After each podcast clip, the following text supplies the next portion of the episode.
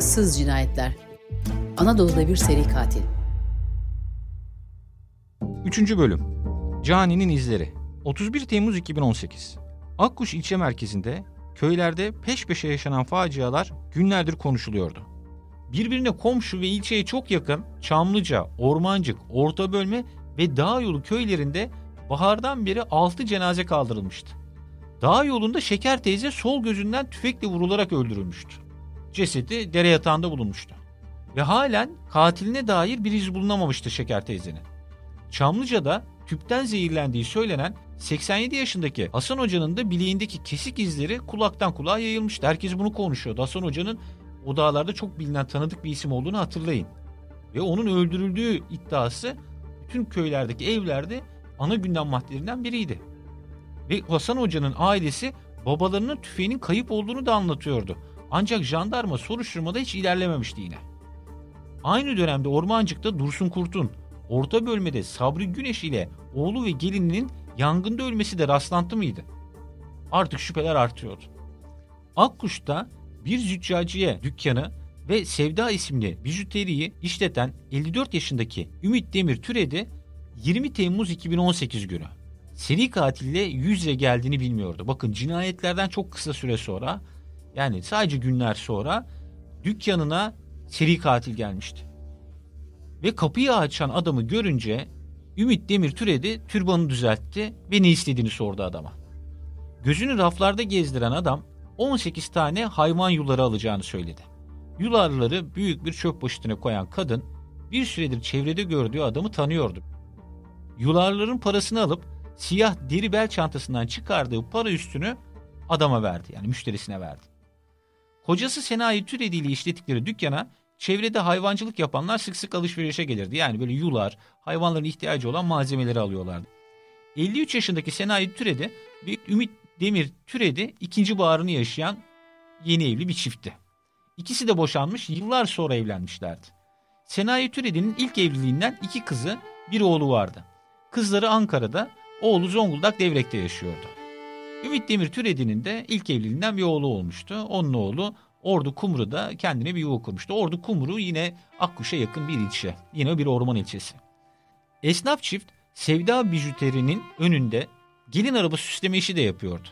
Ee, birkaç gün önce bir gelin arabasını Ümit Hanım süslemiş ve fotoğraflarını Facebook hesabından paylaşmıştı. O gün akşam birlikte dükkanları kilitlediler ve Senayi Türedi'nin hasta olan erkek kardeşini ziyarete gittiler. Oradan çıkarken Karacal köyündeki evlerine gideceklerini söylediler. Yani esnaf çift bazen ilçedeki yani Akkuş ilçe merkezindeki evlerinde kalıyordu. Bazen ise köydeki yani Karaçal köyündeki köy evinde kalıyorlardı. Köydeki ev Karaağaç Tepesi mevkiindeydi. Tek katlı betonarme köy evinin kapısını açtıklarında o akşam hava kararmıştı. Manzaralarındaki yamaçlarda tek ışık yoktu. Mehtap önünden geçen bulutları parlatıyordu sadece. Burada vakitlerin çoğunu salon kadar geniş mutfakta geçirirlerdi. Ümit Hanım yemek hazırlarken Senayi Türedi televizyon seyrediyordu. Gece yarısı olduğunda kocası kanepede uyuyakalan kadın yer yatağını serdi, e, telefonunda WhatsApp mesajlarına baktıktan sonra evin ışığını kapattı. Tepe tamamen karanlığa gömüldüğünde evlerin arkasındaki ağaçların arasında bir katil duruyordu. Askeri kamuflaj desenli yağmurluk ve pantolon giymişti. Uyuduklarından emin olmak için bir süre bekledikten sonra ayağa kalktı. Çantasını ve tüfeğini omuzuna atıp yokuştan indi. Uyuyan çift bahçelerindeki karanlık gölgenin çevreyi kolaçan ettiğinden habersizdi. Kapının yumruklanmasıyla gözlerini açtıklarında jandarma diye bağıran adamı duydular.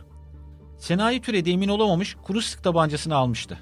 Kapıyı araladıklarında tüfek namlusu üzerlerine doğrultulmuştu. 10 gün önce dükkanına gelen adamı tanımıştı Ümit Demir Türedi. Yere yüzüstü yatıp ellerini arkalarında birleştirmelerini söyleyen katilin dediğini yaptılar. Bileklerine kelepçeleri geçiren katil Hasan Bayram cinayetindeki yöntemi uygulayacaktı. Onları mutfağa götürüp ayak bileklerini de kelepçeledi. Hayvanları kestiği gibi cinayeti hazırlıyordu kurbanlarına. Dört gözlü ocağı yakıp yemekleri üzerine koyduğunda acaba kurbanları ne planladığını anlamış mıydı? Tencerelerden yemekler taşarken evdeki değerli eşyaları soruyordu katil. Senayi Bey'in cüzdanını, Ümit Hanım'ın bel çantasını, telefonunu aldı. Kuru sık tabancayı da çantasına koydu. İki kurbanının ağızlarını bezle bağladıktan sonra ocaktaki ateşi söndürüp gazı açık bıraktı. Bahçeye çıktı katil. Işıksız evden ağızları bağlı karı kocanın boğuk çığlıkları, anlaşılmaz feryatları geliyordu. Ay arkasında batmış karanlık dağların ıssızlığında yankılanmadı arkadaşları. Yani onları duyan hiç kimse yoktu. Sadece katil vardı. Yine kurbanlarının her nefeste azalan seslerini dinliyordu katil. Bundan keyif aldığına şüphe yok. Öldüklerinden emin olunca derin bir nefes alıp eve girdi. Bileklerindeki kelepçeleri kesip ağızlarındaki bezleri çözüp cebine koydu. Dışarı çıkıp soluklandıktan sonra tekrar geri döndü. Cansız kurbanlarıyla kaza süsü sahnesini hazırlıyordu artık. Senayi Türedi'yi sırt üstü yatırdı. Ümit Demir Türedi'yi sol tarafa çevirip kafasını yastığa koydu. Kurbanlarını omuzlarına kadar yorganla örttü. Karanlık ormanda uzaklaşırken evdeki ocaktan gaz sızmaya devam ediyordu. Katil bu kez kendi evinin çok yakınında canlar almıştı.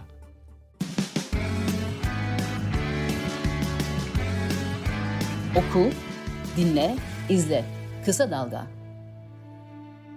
Sabah iki cesedin olduğu mutfakta Senayi Türedi'nin cep telefonu çalıyordu. Arayan dün gece ziyaret ettiği kardeşi Hüseyin'di. Saat öğlen ikiye kadar defalarca aradı yanıt yoktu. Hasta yatağından kalkıp otomobiliyle köye gitti. Kapı kilitli değildi. İçeri girdiğinde kesif koku duvar gibiydi karşısında. Bahçeye çekilip derin bir nefes aldıktan sonra tekrar içeri koştu. Kuzinenin önündeki yer yatağında yengesi kanepede ağabeyi uyuyor gibiydi. Onları sarstı, ölmüşlerdi. Yemek taşmış, ocağın düğmesi açıktı, kapattı. Bahçeye çıktığında nefesi tükenmişti. 112'ye adresi verirken dizlerinin üzerine çökmüş ağlıyordu. Akkuş jandarması kaza süsü verilmiş kaçıncı cinayet mahallindeydi. Geçmiş ihmaller olmasa Türedi çifti hiç şüphesiz ölmeyecekti. Hayatta olacaklardı bugün.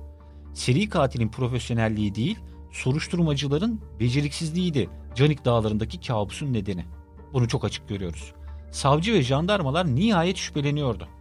Evde çiftin kimliklerini bulamamışlar ve bunu tutanağa yazmışlardı. Kimlik tespitini Hüseyin Türedi ile yaptılar. DNA ve parmak izi aramasında da bir sonuç çıkmayacaktı. Yani evde katile dair yine hiçbir iz yoktu. Soruşturmacıların yetersizliğinde kurbanların yakınları dedektife dönüşür. Bunun defalarca örneğine tanık oldum gazetecilik yaparken. Her acı neden sorusunu doğurur. Keder nedensiz bırakılamayacak kadar güçlü bir duygudur çünkü. Senayi Türedi'nin oğlu Raif Türedi, babası ve üvey annesinin cenazesi Trabzon Adli Tıp Kurumu'na götürüldükten sonra köy evinde iz arıyordu. Kardeşleriyle birlikte eksikleri tespit ettiler. Babasının cep telefonu evdeydi ancak cüzdanı yoktu. Üvey annesinin cep telefonu hep belinde taşıdığı çantası kuru sıkı tabanca evde değildi. Akkuş'taki evde ve dükkanda da kayıp eşyaları bulamadılar. Yani günlerce aradılar. Kardeşler Ümit Demir Türedi'nin WhatsApp'ta en son cinayetin işlendiği gece yarısı online olduğunu tespit ettiler. Bakın aile arıyor. Aile izler tespit etmeye çalışıyor. O gün Facebook paylaşımını da cep telefonundan yapmıştı Ümit Demir Türedi. 2 Ağustos 2018 günü savcılığa giderek yakaladıkları ipuçlarını savcıya anlattılar. Kardeşler şunu söyledi. Onlar öldürüldü.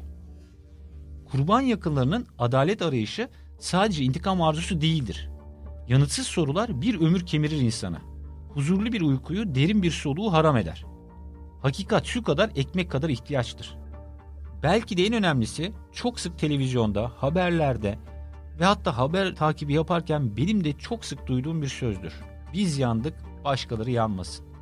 Adalet arayışı katili yakalatır, başka insanları kurtarır.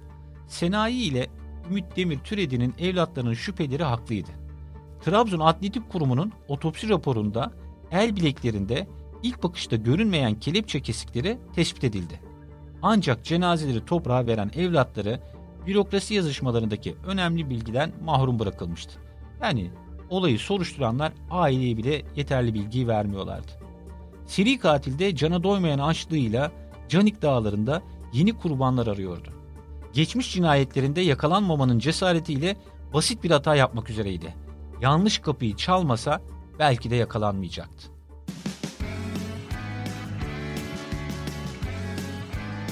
Görecek, duyacak, bileceksiniz. Kısa Dalga Medya. 7 Ağustos 2018. Akkuş ilçe merkezine yakın Niksar Ünye yolunun kıyısındaki Çamalan köyünde yaz canlılığı yavaş yavaş azalmıştı.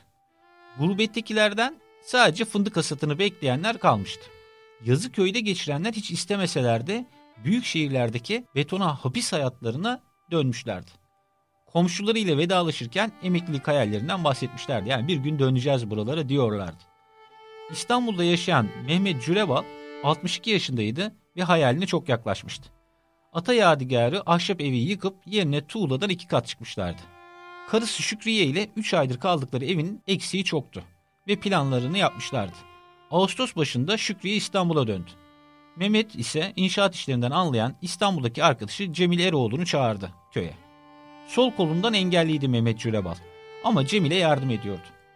7 Ağustos 2018 yani Akkuş'un lanetinin aydınlanmasına gebe gün yağmur yağıyordu. Binanın içindeki tuğla duvarlarının sıvasıyla uğraştılar. Akşam 9'da yemeklerini yemiş sohbet ederlerken 200 metre uzakta evi olan komşu Cemal Karaş'ın kapıyı çaldı. Bir buçuk saat çay içip sohbet ettiler. Mehmet Cürebal komşusunun aynısı evi yaptırmıştı. İkinci kata dışarıdan merdivenli evin inşaat işleriyle ilgili konuştular. Cemal gittikten sonra üst kattaki iki odada yatmış, çatıya vuran yağmurun gürültüsünde uyumuşlardı.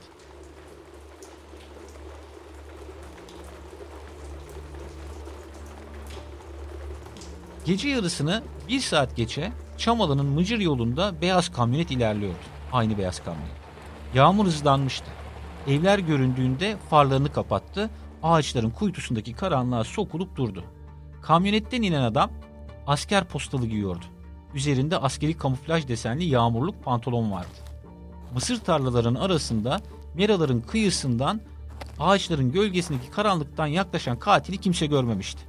100 metre uzaktaki evin ışığı yandığında sindi akkuş canavarı. Uzaktan katilin izlediği adam bahçesini kontrol ediyordu. Asıl hedefinin o ihtiyar olduğunu anlamamıştı. Hayatının hatasını yapmıştı akkuş canavarı. Köy yeniden tamamen geceye gömüldüğünde yanlış adrese yürüdü. Şimşek çakıp göğü, dağları aydınlattığında Mehmet Cürebal'ın bahçesinde seri katil görünüp kayboldu. İkinci katın merdivenini çıkan adımları çatıya vuran yağmurun gürültüsünde duyulmazdı. Tecrübeliydi geçmiş cinayetlerinden. Dış kapının önündeki elektrik şatilini kapattı önce. Mehmet Cürebal kapısını vuran yumruklarla uyandı. Uyku sersemi kalkıp ışığı yakmak için düğmeye bastı. Karanlık aydınlanmamıştı. Elektriklerin kesildiğini zannetti. Kimsin diye bağırdığında kapıdaki seslendi. Cemal aç kapıyı.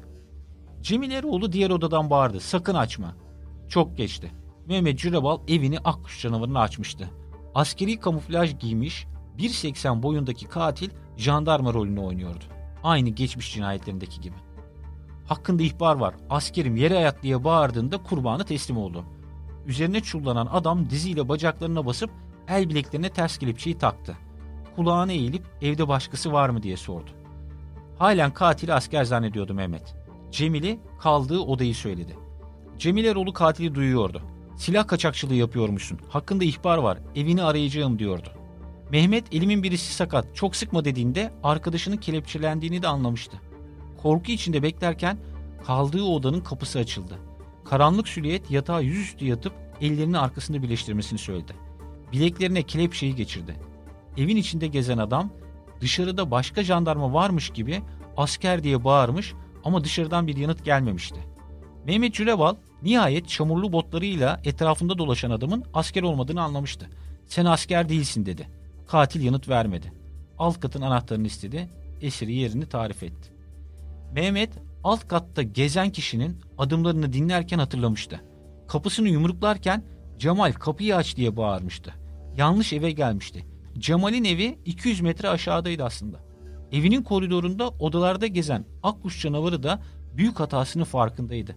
Cep telefonlarını, cüzdanlarını çantasına atarken karar vermek zorundaydı.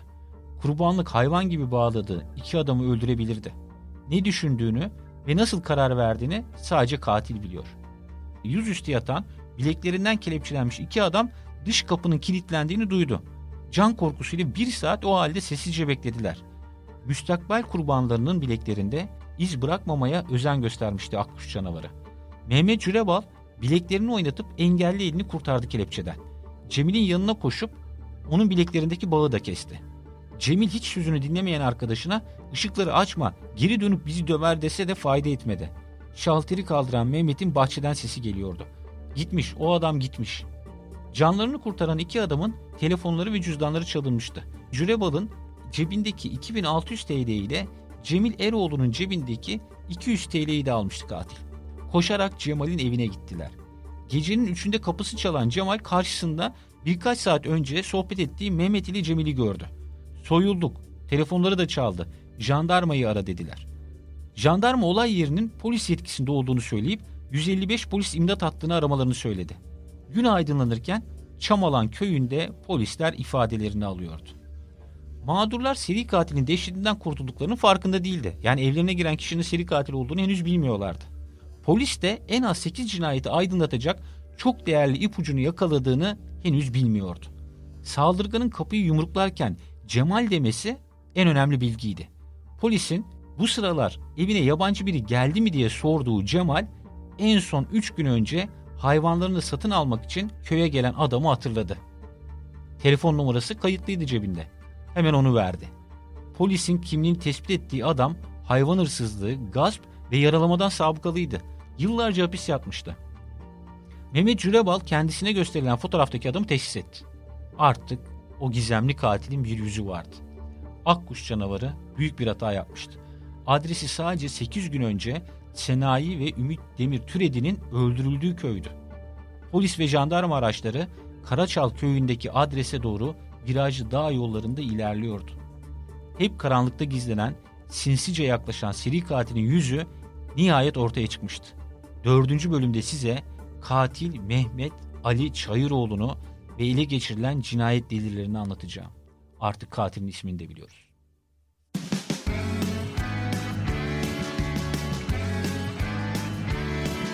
Kulağınız bizde olsun. Kısa Dalga Podcast.